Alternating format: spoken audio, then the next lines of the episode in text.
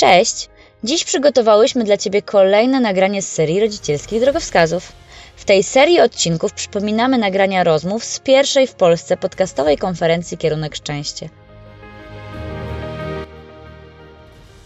Dzisiejsza rozmowa będzie dotyczyła rozwoju osobistego. Dla nas rozwój osobisty oznacza samodoskonalenie, czyli stawanie się lepszą wersją własnego ja. Jednak, żeby to osiągnąć, to trzeba najpierw poznać siebie.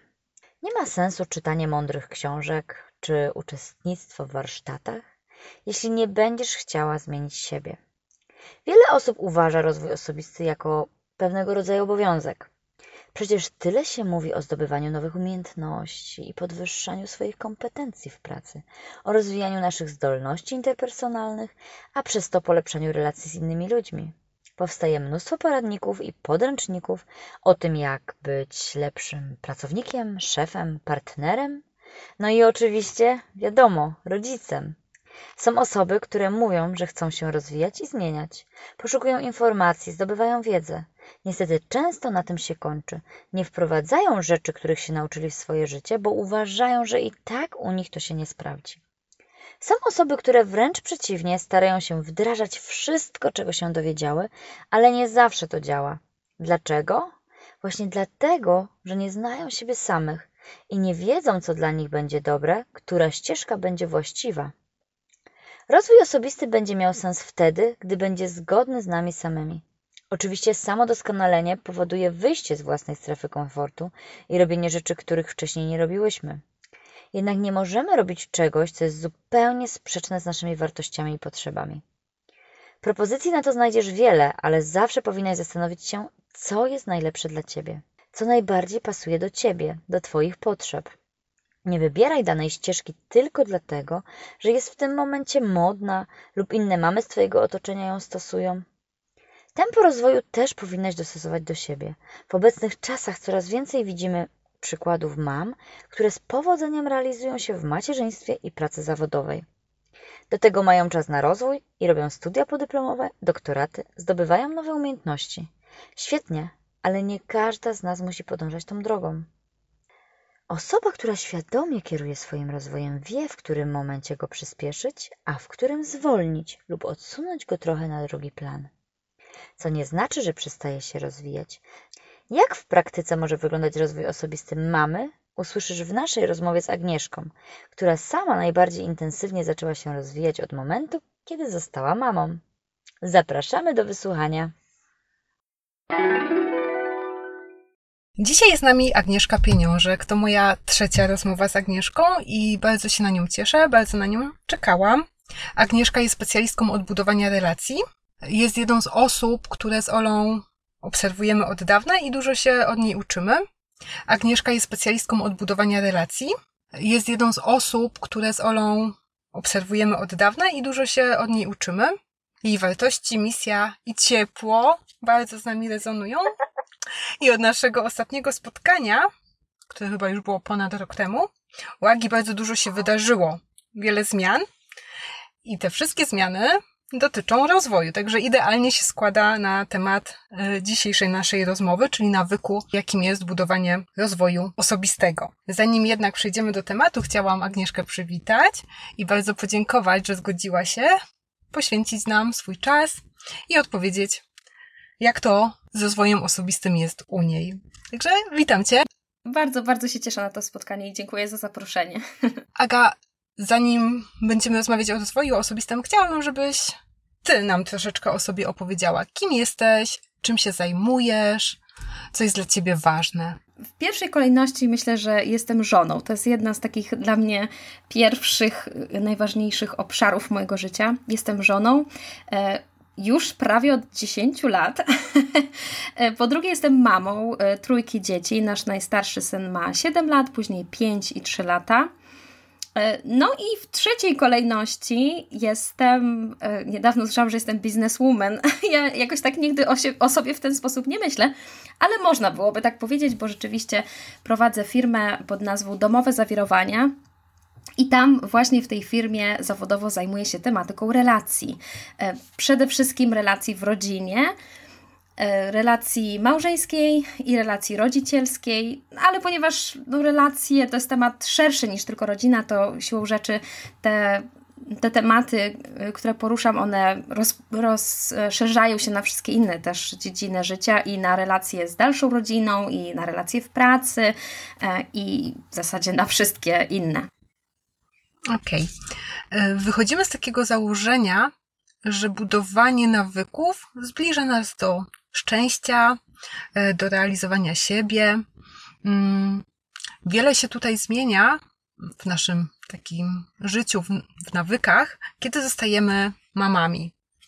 Jak to było u Ciebie? Jak e, Twoje życie zmieniło macierzyństwo? Jak wyglądały Twoje oczekiwania, a jak to wyglądało po zderzeniu z rzeczywistością? Oj, to już e, trochę czasu minęło i tak przyznam, że trudno mi jest dokładnie sobie przypomnieć, jakie miałam oczekiwania. E, mogę powiedzieć jedną rzecz, że ja nigdy jakoś o sobie nie myślałam, że jestem taką taką mamą, która całe, całą siebie po prostu oddaje dzieciom i kiedy na przykład patrzyłam na inne mamy, czy na malutkie dzieci, ja nigdy nie miałam takiego odruchu, że, że o jakie cudowne, jakie wspaniałe te dzieci. Ja tak widzę, wiele kobiet y, ma taki naturalny właśnie, y, nie wiem, no instynkt, użyję tego słowa, y, że, że jakby ciągnie ich do małych dzieci. Ja nigdy czegoś takiego nie miałam i dla mnie jakoś rodzenie dzieci było wpisane w życie rodzinne, ale, ale też nie miałam takiego, że po prostu czekam na ten moment z jakimś wielkim utęsknieniem. I mogę powiedzieć, że ten, ta chwila, kiedy zostałam mamą, może nie sam ten moment, wiecie, porodu, ale te, ten czas, który nastąpił później, bardzo zmienił moje życie. Przede wszystkim dlatego, że e, dzieci stały się dla mnie jednym z takich największych motywatorów do mojego właśnie rozwoju, po prostu. E, że chociaż wydawało mi się wcześniej, że całkiem dobrze sobie poradzę z, z wychowaniem i z tym, jak uczyć e, różnych rzeczy nasze dzieci, to kiedy przyszła ta codzienność i rzeczywistość i stanęłam wobec tych e, takich trudności, co każdy z rodziców w końcu przed nimi stoi. Czy co zrobić, żeby to dziecko umyło zęby?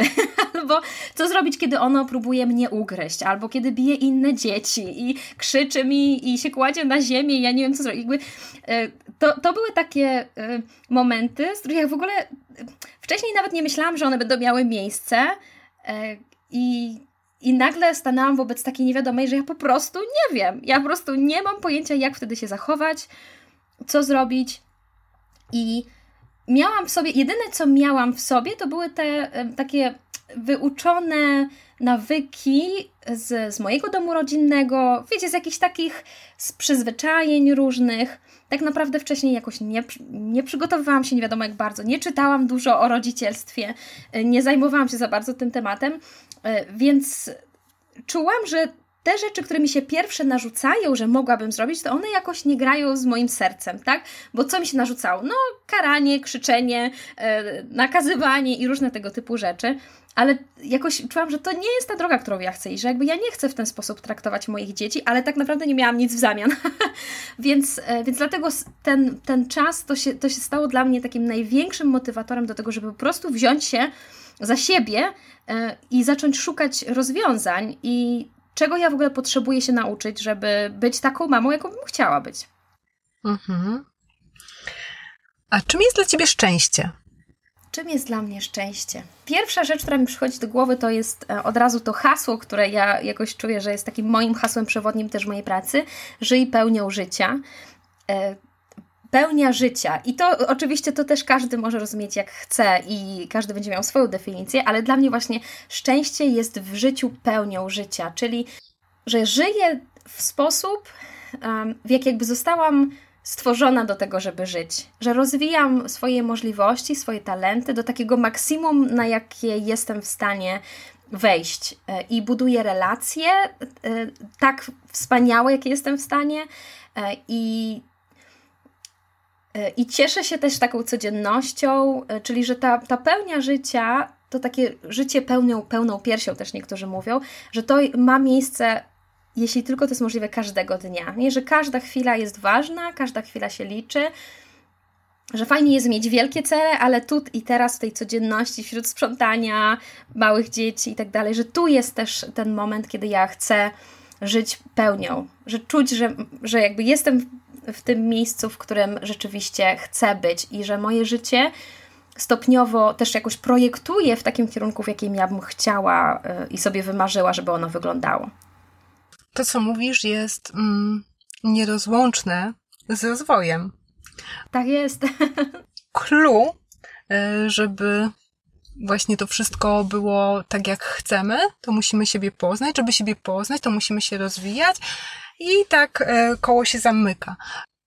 Czym dla Ciebie jest rozwój osobisty? Bo dużo w internecie jest definicji, tak? Coaching, mentoring, rozwój osobisty i wiele, wiele innych.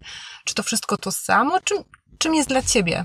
Jak Ty to czujesz, jak Ty to rozumiesz?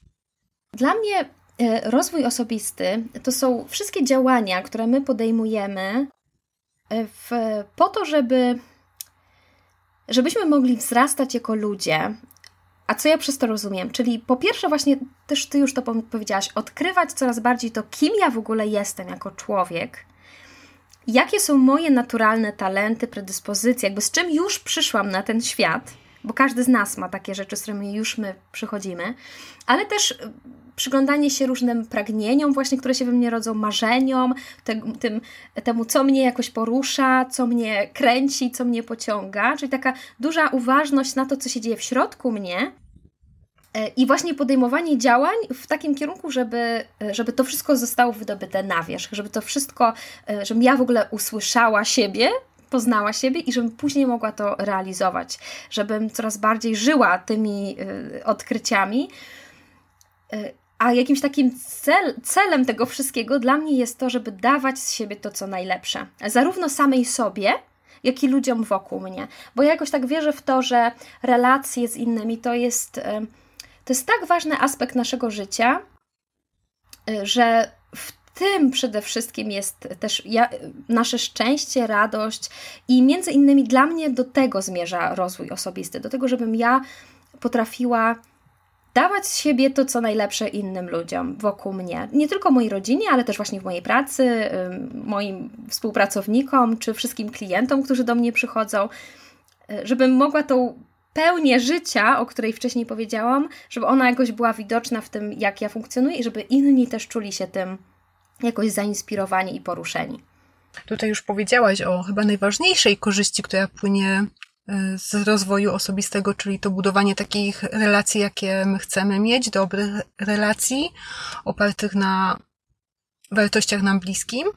Czy uważasz, że są jeszcze jakieś inne korzyści, które z tego płyną, że, że inwestujemy w ten nasz rozwój osobisty?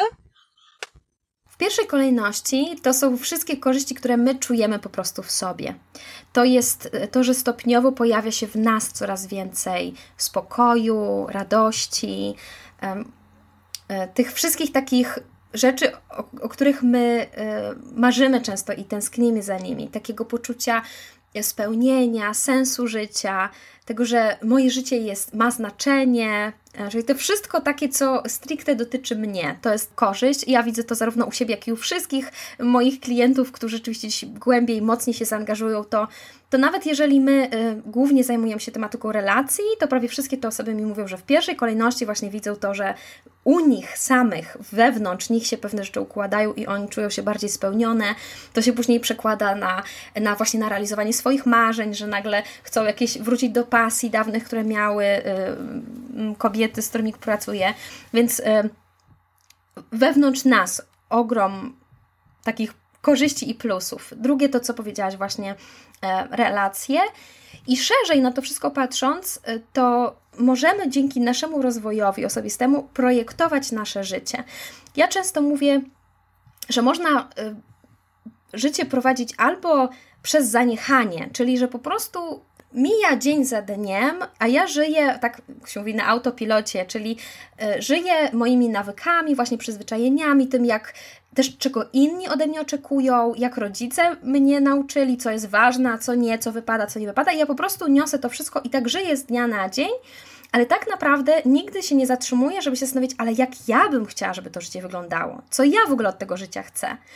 Czyli jest coś, co można nazwać życiem przez zaniechanie, a po drugiej stronie jest właśnie życie zaprojektowane, czyli to ja projektuję moją codzienność, to ja projektuję, jak wygląda moje małżeństwo, moje rodzicielstwo, moje zdrowie i wszystkie inne obszary, obszar zawodowy, wszystkie inne obszary mojego życia. I oczywiście większość z nas gdzieś tam się plasuje po środku tej, tej linii, pomiędzy życiem przez zaniechanie a życiem zaprojektowanym. Natomiast, żebyśmy mogli się przesuwać coraz bardziej w stronę tego życia projektowanego, no to konieczny jest właśnie rozwój osobisty. Mhm. A jakie widzisz trudności, y, wyzwania w momencie, kiedy podejmujemy się rozwoju pracy nad sobą? Jak myślisz? W pierwszej kolejności, to już w sumie o tym powiedziałam, takie życie na autopilocie, czyli że ja nawet nie mam świadomości, że coś w ogóle może być inaczej. Bo bardzo często jest tak, że my jesteśmy tak bardzo przyzwyczajeni do określonego sposobu funkcjonowania, właśnie żyjemy z dnia na dzień, e, w ciągłym takim kołowrotku różnych działań, tego, że coś ktoś ciągle od nas chce, mamy wrażenie, że w pracy cały czas coś trzeba zrobić, dzieci płaczą, krzyczą, jakby non-stop coś się dzieje i ja tylko cały czas reaguję na świat zewnętrzny. I ja nawet nie wiem, że można byłoby inaczej. E, że ja mogłabym inaczej tą codzienność przeżywać. Czyli pierwszą trudnością to jest w ogóle uświadomienie sobie tego, gdzie w moim życiu mogłoby się coś zmienić. Drugą trudnością jest znalezienie tego, jak to zmienić. Bo właśnie, jak sama wspomniałaś, dzisiaj mamy taki świat, że y, no, rozwiązania są na wyciągnięcie ręki. Natomiast te rozwiązania są bardzo różne i się można w tym pogubić po prostu, mm, bo jest tak dużo osób, które zajmują się tymi tematami, y, proponują różne możliwe opcje. Oczywiście, że y, spora część z nich gdzieś tam się powtarza i i one są ze sobą spójne, ale są też takie, y, które są ze sobą sprzeczne. I wtedy nie wiadomo, co wybierać, nie? Więc, więc drugą trudnością jest jakby trafienie y, na to źródło podpowiedzi, informacji, czy jakąś osobę, która będzie mi w tym towarzyszyć, której rzeczywiście mogę zaufać i, i o której będę wiedziała, że ona doprowadzi mnie tam, gdzie ja rzeczywiście chcę, chcę dojść, a nie na jakieś manowce mnie sprowadzi.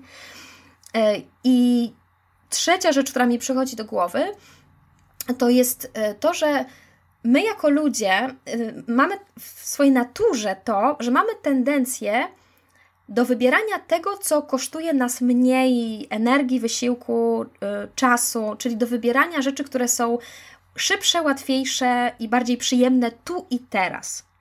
I między innymi z tego wynika fakt, że jest nam tak trudno realizować różne cele, które sobie stawiamy, że na przykład kiedy my sobie siadamy i myślimy, o ja bym chciała zrobić to i tamto, i mamy jakby myślimy, ale byłoby cudownie to mieć. I nawet y, chwilami y, możemy y, w tak bardzo poukładany sposób te cele sobie rozpisywać, tak jak ktoś nas uczy, żeby usiąść, zaprojektować, pomyśleć o tym, dlaczego ja bym to chciała osiągnąć, jakby cały proces przejść, natomiast później przychodzi codzienność i przychodzi życie ja tak czy siak w tej konkretnej chwili, kiedy staję przed wyborem, czy mam zjeść sałatkę, czy mam zjeść jakąś tam, nie wiem, szybkiego batonika, no to często wybieram tego szybkiego batonika, bo w danej chwili jest to wygodniejsze po prostu. I gdzieś ten cały, to, te, te wszystkie ideały, które ja miałam planując moje życie, one znikają. I to jest ogromna trudność, która wynika tak naprawdę z, z naszej natury. E, I jeżeli my nie będziemy wiedzieli, jak sobie z tym radzić, no to będziemy przegrywać z tym po prostu każdego dnia. A jak u ciebie zaczęła się praca nad swoim rozwojem? Pamiętasz, y, w którym momencie w życiu to się zaczęło? Mhm. E, trudno mi jest pokazać taki bardzo konkretny moment, bo jak sobie sięgam wstecz pamięcią, to ja zawsze, od kiedy pamiętam, miałam takie taki wielki podziw dla ludzi takiego wielkiego formatu, że tak powiem. E, ja też przez długie lata mojego życia byłam we wspólnocie mm, takiej religijnej, oazowej i e, tam założycielem tej oazy, Ruchu Światło Życie jest ksiądz Franciszek Blachnicki. I ja byłam bardzo zafascynowana jego, jego życiem, jego biografią, właśnie formatem jego życia, w takim sensie, y, że nawet jeszcze kiedy nie był wierzący, to y, jego bezgraniczne oddanie ojczyźnie, sprawie walki o dobro człowieka, o godność człowieka i tak dalej, zawsze mnie poruszały. I ja od kiedy pamiętam, to zawsze miałam tak, że lubiłam patrzeć jakby na ludzi, którzy wielkie rzeczy robią. E, taki, tak, no nie chodzi mi o to, że jakiś sukces nie wiadomo jaki finansowy, raczej po prostu, że, że widziałam, że oni żyją wartościami, które są dla mnie ważne i że ja zawsze marzyłam, że ja też bym tak chciała żyć. I rzeczywiście starałam się czytać e, właśnie różne książki o takich osobach, e, i zawsze gdzieś to pytanie było, co ja mogę dzisiaj zrobić, żeby gdzieś chociaż o jeden krok zbliżyć się do tych osób. E, tutaj jakby widzę taką różnicę w, w, moim funkcjonowaniu do wielu innych osób, które znam, że na przykład wiele osób czytając właśnie na przykład biografię jakichś takich osób, ludzi sukcesu, jakkolwiek ten sukces będziemy definiować, to często im się pojawia taka, ale nie, to jakby ja nigdy bym tak nie mogła, jakby ja nie jestem takim człowiekiem, nie? I jakby z góry od razu siebie y, te osoby skreślają. Natomiast u mnie zawsze było coś takiego, co ja mogę zrobić, żeby się zbliżyć jakby do tego, nie? Ja nie jestem dzisiaj taka i ja nie dorostam do pięt jakby w moim działaniu, ale co ja mogę zrobić, żeby ten krok mm, osiągnąć i Natomiast na tamtym etapie mojego życia y, to wszystko było takie dość chaotyczne, y, jeśli chodzi o mój rozwój, i nie miałam e, jakichś e, konkretnych osób, od których bym się tego uczyła. E, jak, jakimi narzędziami, jakimi sposobami. Bardziej tak na zasadzie właśnie takiego osobistego szukania. I chyba dopiero jak już byłam żoną i przyszedł taki pierwszy większy kryzys w moim małżeństwie, przynajmniej dla mnie, po mojej stronie, że tak powiem, był kryzys. E, mój mąż nigdy tego tak e, nie definiował i tego tak nie widział, natomiast mi było coraz trudniej. To, to był dla mnie taki bodziec do tego, że ja potrzebuję coś zmienić, potrzebuję znaleźć jakieś rozwiązania.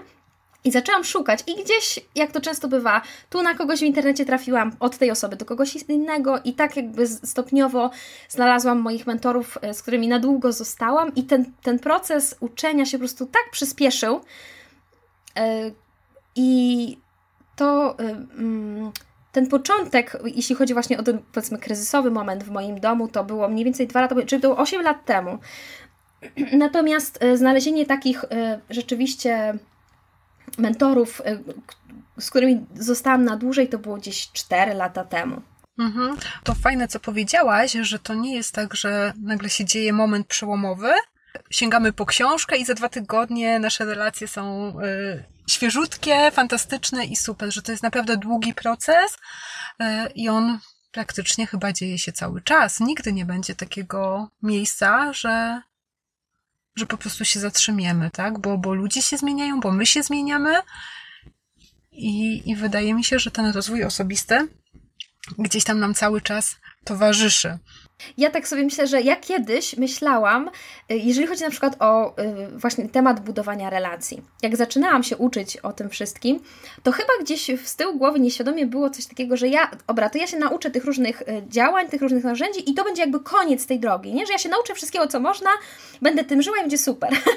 Natomiast jakby stopniowo wchodząc na tą drogę, przekonałam się, że to jest piękne właśnie i to jest dla mnie dążenie do pełni życia, że rozwój człowieka nie ma e, końca. E, I my, jako ludzie, to jesteśmy takie studnie bez dna, i tak samo relacje z, z ludźmi. I poziom, na jaki my możemy wejść, poziom bliskości, intymności, e, takiego zrozumienia, porozumienia, współpracy, on się nigdy nie kończy. Nigdy. I to jest w ogóle dla mnie no, kosmos i coś, co jakoś mnie bardzo porusza i cały czas mnie pociąga też. Wspomniałaś też o tym, że to jest wszystko fajne, jak się czyta, jest takie wow, jest motywacja, jest energia, no a później przychodzi codzienność, tak?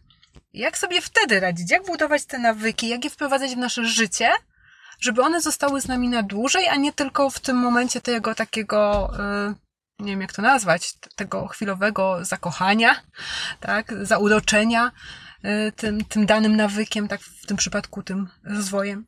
Co zrobić? Ja w tym temacie bardzo, bardzo polecam książkę. W języku polskim jej tytuł brzmi Atomowe nawyki. Książkę napisał James Clear i to jest jedna, w moim odczuciu, jedna z najlepszych książek dotyczących tego tak zwanego self-improvement, czyli tak naprawdę tego, o czym dzisiaj rozmawiamy, a ona dotyczy stricte właśnie tematu nawyków. I w zasadzie wszystko, co ja dzisiaj w moim codziennym życiu stosuję w temacie nawyków, to właśnie nauczyłam się yy, z tej książki.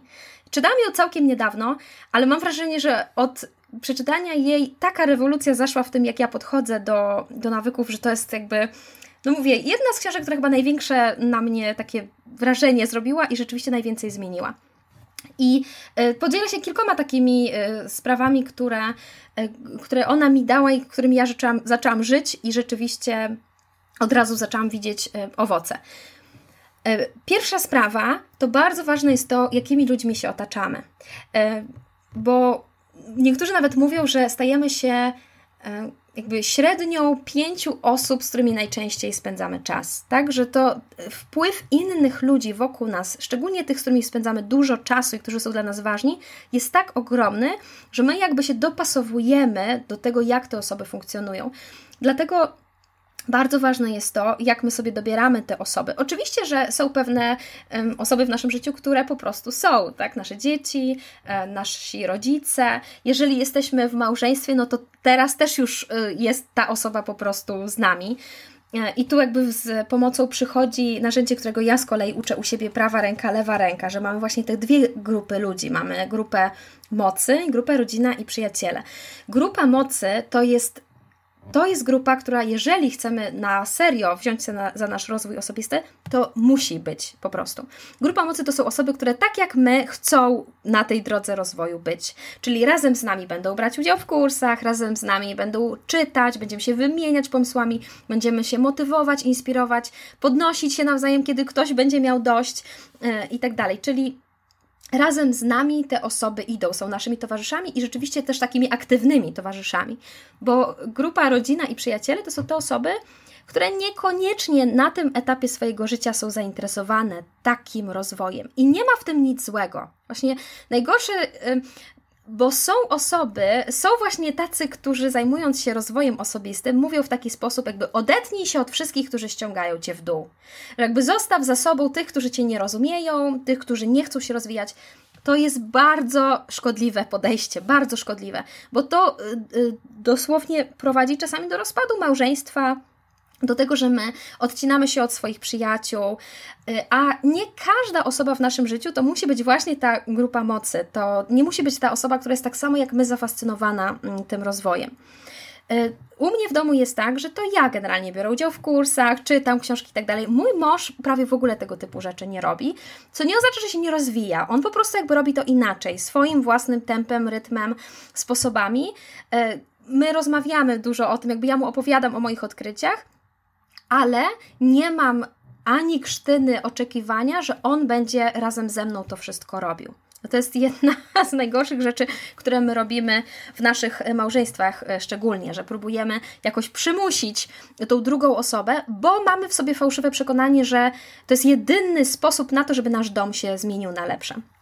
To jest fałszywe przekonanie. E, czyli e, otoczenie, w którym przebywamy, to jest jeden z kluczowych czynników tego, czy nam się w ogóle uda jakieś nowe nawyki u siebie wprowadzić, czy nie. Druga sprawa. E, błąd, który większość z nas popełnia, i ja też to samo robiłam, to jest próba zmieniania wszystkiego naraz. Bo czasami jest tak, że my sam znajdujemy się w tak trudnym dla nas momencie życia, jakby jest tak dużo bolesnych rzeczy, jakichś nieprzyjemnych, że y, mija dzie y, nasz dzień, że przechodzimy jakby przez y, codzienność naszą i co chwilę natrafiamy na jakieś nieprzyjemne rzeczy, że coś jest niefajnego z dziećmi, że za chwilę z mężem się kłócę, w pracy też mi nie idzie, że moje zdrowie kuleje, jakby wszystko naraz. I tak bardzo jest nam trudno i niekomfortowo w tym wszystkim, że mamy chęć, że po prostu to ja teraz znajdę sposób na to, żeby to wszystko w ciągu jednego dnia odmienić. Ale tak się po prostu nie da.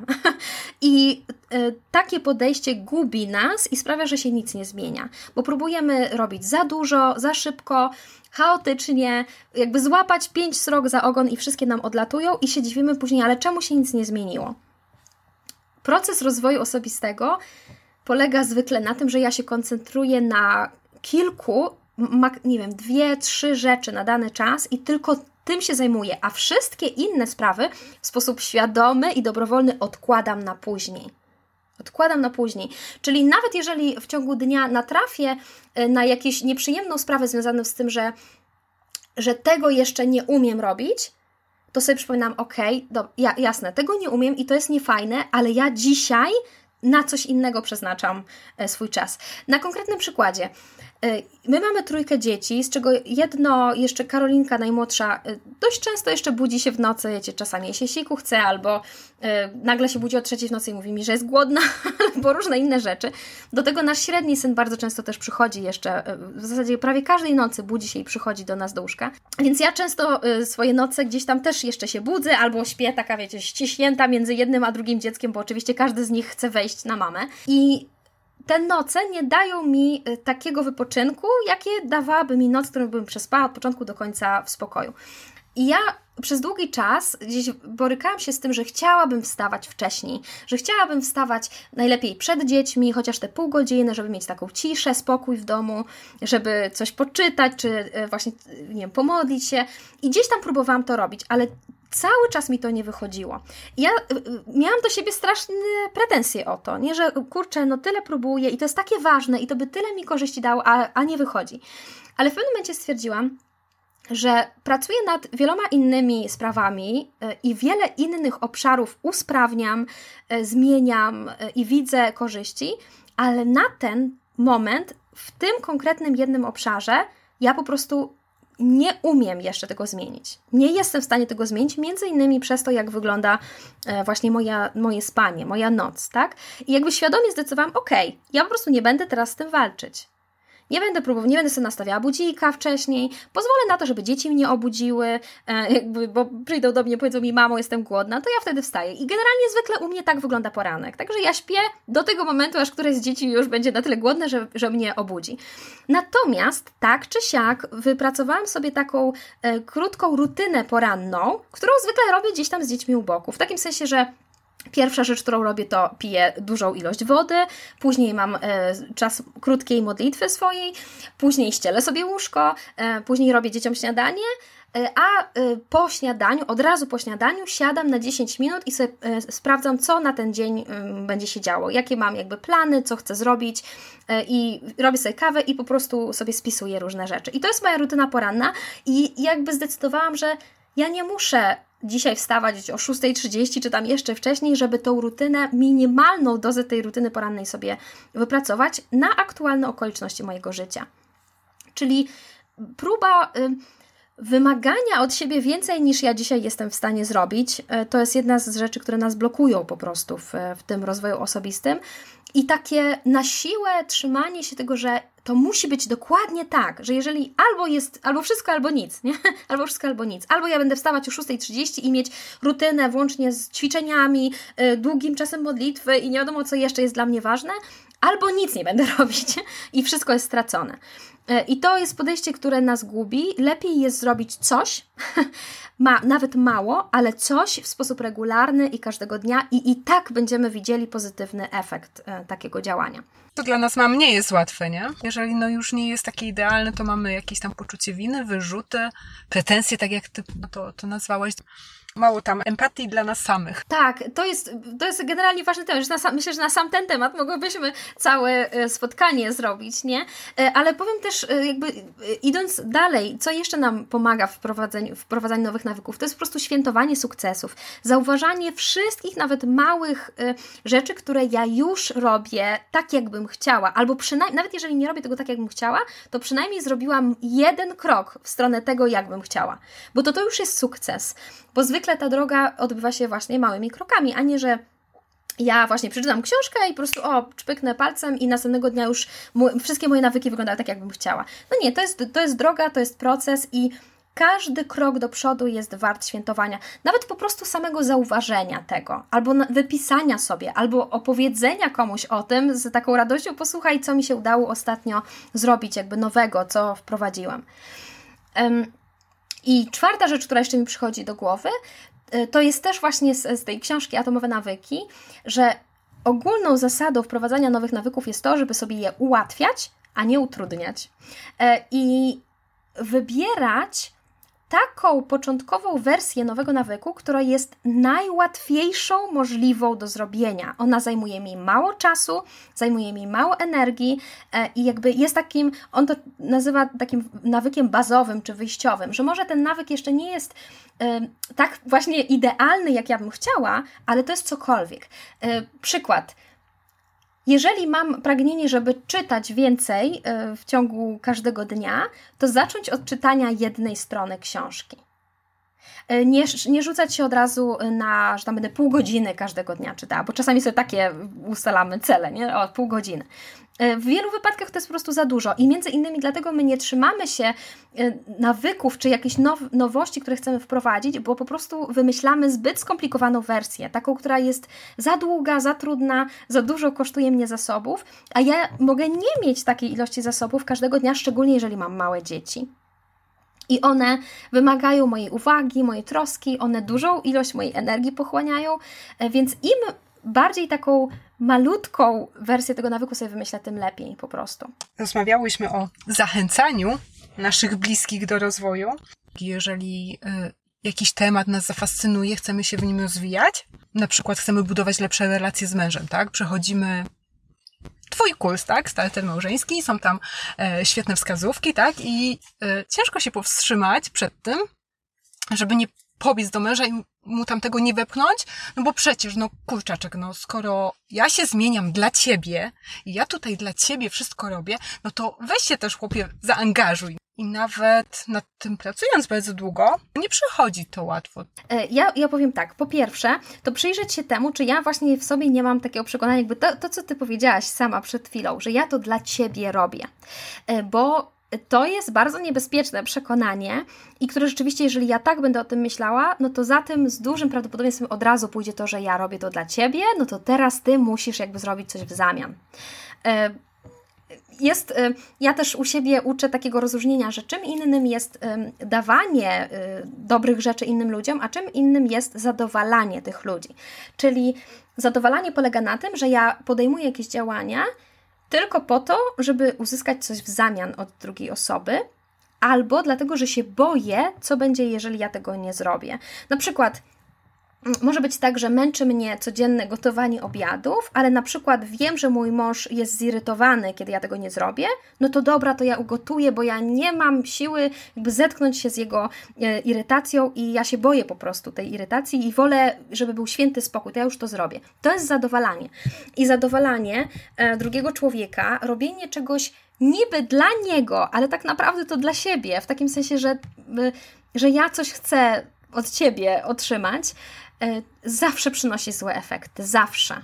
Nawet jeżeli na zewnątrz wydaje się, że ja robię dobre rzeczy i ja się rozwijam i ja pomagam tej osobie i ja gotuję ten obiad dla niego, to zadowalanie rodzi żal, yy, rodzi bunt, właśnie takie poczucie niesprawiedliwości, że czemu ja to muszę zawsze robić i przychodzi moment, że właśnie czara goryczy się przelewa. Czyli to temu warto się przyjrzeć, po co ja to robię, bo rozwój osobisty, nawet właśnie ten stricte związany z relacjami, tak naprawdę jest dla mnie przede wszystkim, w pierwszej kolejności to jest dla mnie, bo ja siebie zabieram w każde miejsce mojego życia i to na ile ja jestem rozwinięta, że tak powiem, e, to, to determinuje, jak wyglądają wszystkie obszary mojego życia. Więc jeżeli ja chcę, żeby moja praca była taka, jaka ja chcę, żeby moje małżeństwo było takie, jakbym chciała, żeby moje rodzicielstwo było takie, jakbym chciała, no to to ode mnie zależy. To ja muszę e, u siebie różnych rzeczy się nauczyć. Więc ten rozwój jest przede wszystkim dla mnie, e, e, a nie, że ja to robię dla kogoś i że ja się tak bardzo poświęcam i teraz wy to doceniajcie. I to jest, to jest pierwsza rzecz, którą warto jest po prostu u siebie jakoś przerobić.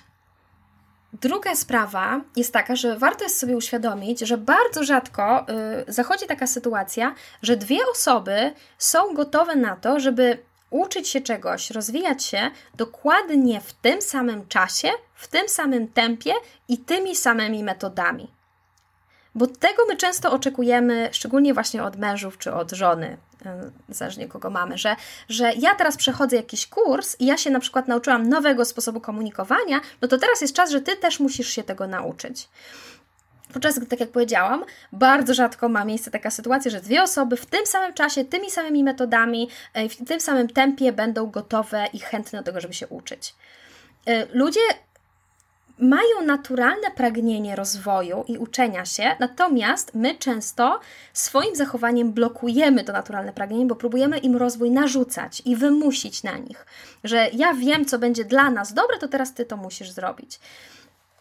E, I no niestety jest to też jakoś utwierdzane w nas e, przez, przez różne przekazy, które wokół nas krążą, że wiele narzędzi takich psychologicznych czy takiego rozwoju osobistego związanych z relacjami, one są skierowane do dwóch osób właśnie. Albo nawet mówi się, nawet jeżeli to jedna osoba robi, to gdzieś jest ten taki przekaz, ale że, ten, że on też musi się tego nauczyć, żebyście mogli dobrze funkcjonować. Więc jest to niestety wzmacniane przez wiele osób, które tymi tematami się zajmują. Ja się z tym zupełnie nie zgadzam, ja pracuję zupełnie inaczej i moje osobiste doświadczenie i doświadczenie wielu osób, które przechodziły przez moje kursy czy inne y, działania moje, pokazuje, że to nie jest prawda, że wystarczy jedna osoba, żeby relację odmienić, y, tylko trzeba to też dobrze zrozumieć, o co w tym chodzi, na czym to polega. Mm. Więc jaki jest najlepszy sposób? Moje osobiste też doświadczenie w moim małżeństwie pokazuje mi, że najlepszy sposób zachęcania to jest po prostu przez przykład. E, przez to, że ja rzeczywiście zaczynam żyć tym, co się nauczyłam, i ta osoba może doświadczyć efektów, które we mnie widać, w tym właśnie jak ja się zwracam do niego, jak ja traktuję nasze dzieci, że ja zaczynam nie wiem, doceniać, właśnie okazywać wdzięczność, zależy, zależy od tego, czego konkretnie chcemy się nauczyć, ale że ja po prostu zaczynam tym żyć. I samo to, jeżeli nie ma obok tego nacisku na tą osobę, że o zobacz, ja teraz to robię, to ty też powinieneś, to samo to u tej osoby rodzi już jakąś taką chęć wzrostu, tak naprawdę. Bardzo rzadko, oczywiście się czasami zdarza, ale bardzo rzadkie są sytuacje, kiedy ta druga osoba nie ma tego naturalnego odruchu, że ja też chcę się rozwijać, że ja też chcę zmieniać moje życie. Oczywiście, że się zdarza, ale to jest dużo rzadziej niż nam się wydaje. Czyli przez, yy, przez przykład, przez dawanie doświadczenia tej osobie, jak fajnie jest żyć w taki sposób, jak, mm, jak albo na przykład jeżeli chodzi o rodzicielstwo, to że ja w określony sposób zaczynam funkcjonować z moimi dziećmi i są efekty tego, tak, że dzieci są spokojniejsze, że lepiej się dogadujemy, że y, widzę, jak sobie radzić wtedy, kiedy one krzyczą, płaczą, że szybciej udaje nam się rozładować napięcie, że jest więcej śmiechu, radości, no to y, w naturalny sposób wtedy otwiera się przestrzeń na to, że ja będę mogła Ci opowiedzieć, co się wydarzyło, jakby jak, jak do tego doszło. I jeżeli chcesz, to jest bardzo ważne, jeżeli chcesz, to też możesz um, się do tego przyłączyć, ale tylko jeżeli chcesz. Okej, okay, a jak w przypadku dzieci? Bo dzieci do pewnego momentu mają taką naturalną chęć rozwoju, tak? Później przychodzi szkoła, oceny, nagrody, kary. E, i to troszkę w nich umiera, tak? E, na pewno podobnie jak, jak w innych relacjach modelowanie, czy coś jeszcze?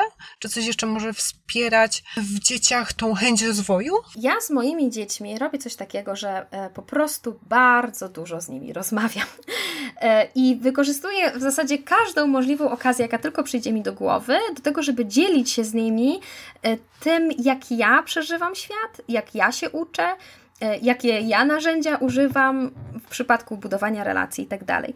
E, I do, wykorzystuję do tego też książki, które czytamy, filmy, które jeżeli oglądamy, różne sytuacje, e, które się wydarzyły w naszym domu, albo na, nawet błędy, które ja popełniam, czy na przykład to, że powiem coś, czego później żałuję, to to też jest szansa do tego, żeby e, dziecku pokazać, zobacz, e, ja zrobiłam to i to i jak jakby ty się czułeś wtedy, nie? Do czego to doprowadziło?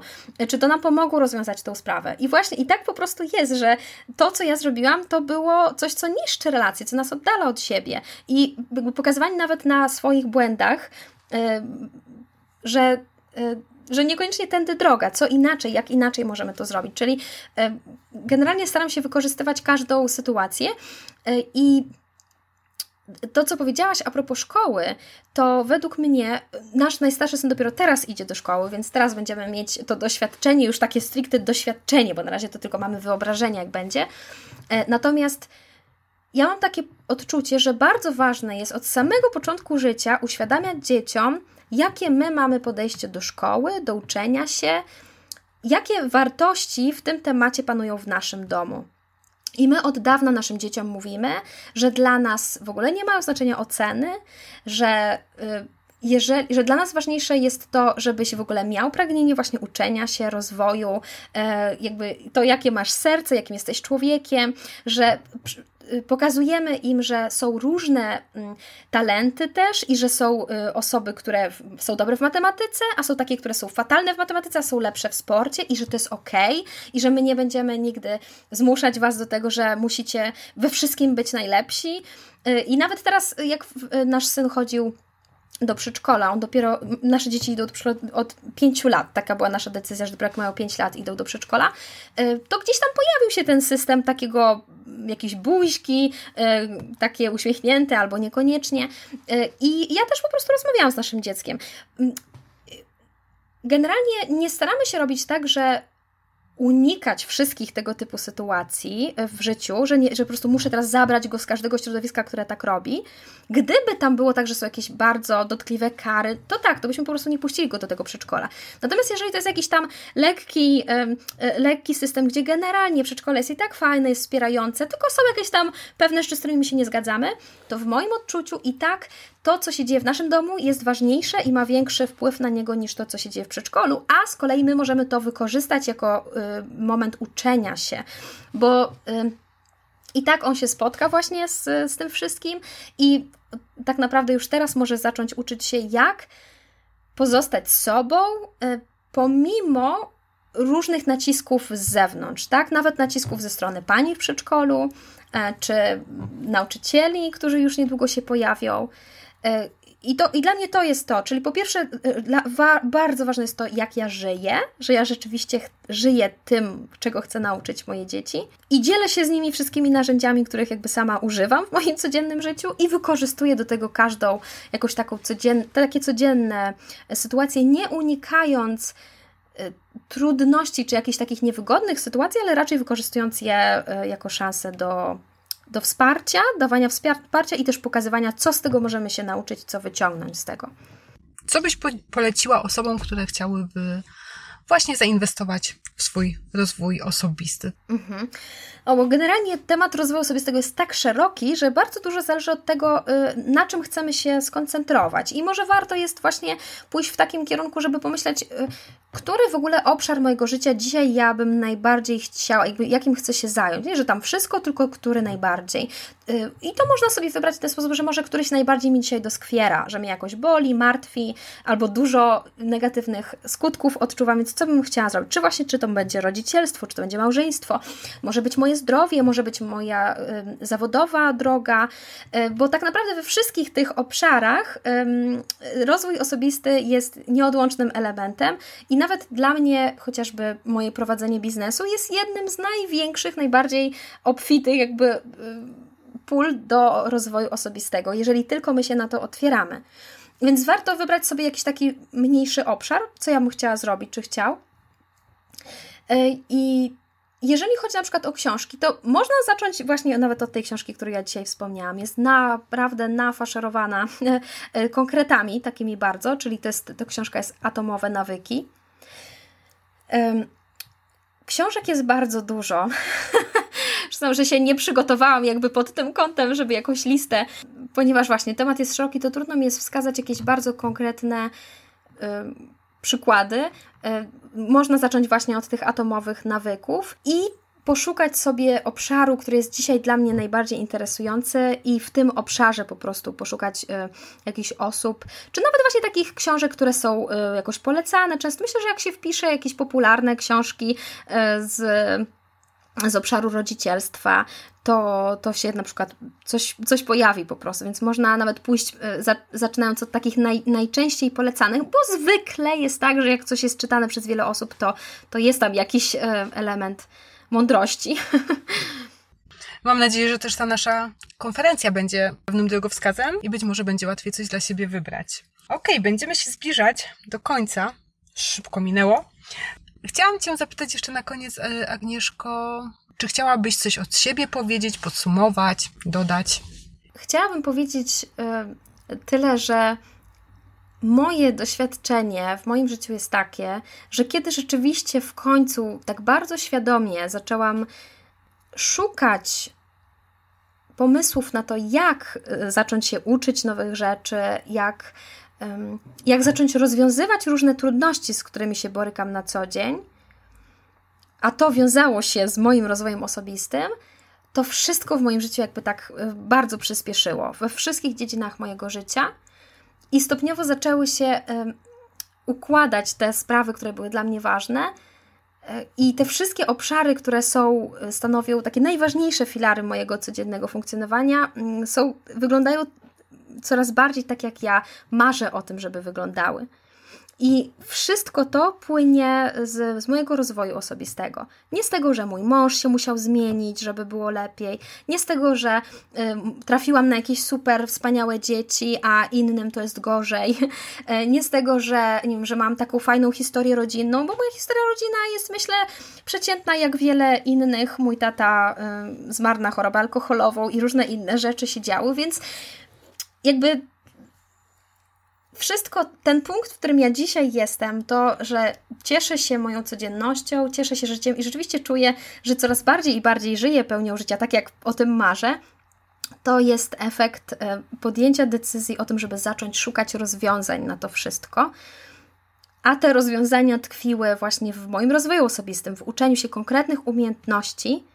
Oczywiście to zestaw ogromnej ilości różnych umiejętności, ale wszystkie są spięte właśnie tym jednym słowem, o którym dzisiaj rozmawiałam, czyli po prostu rozwój osobisty.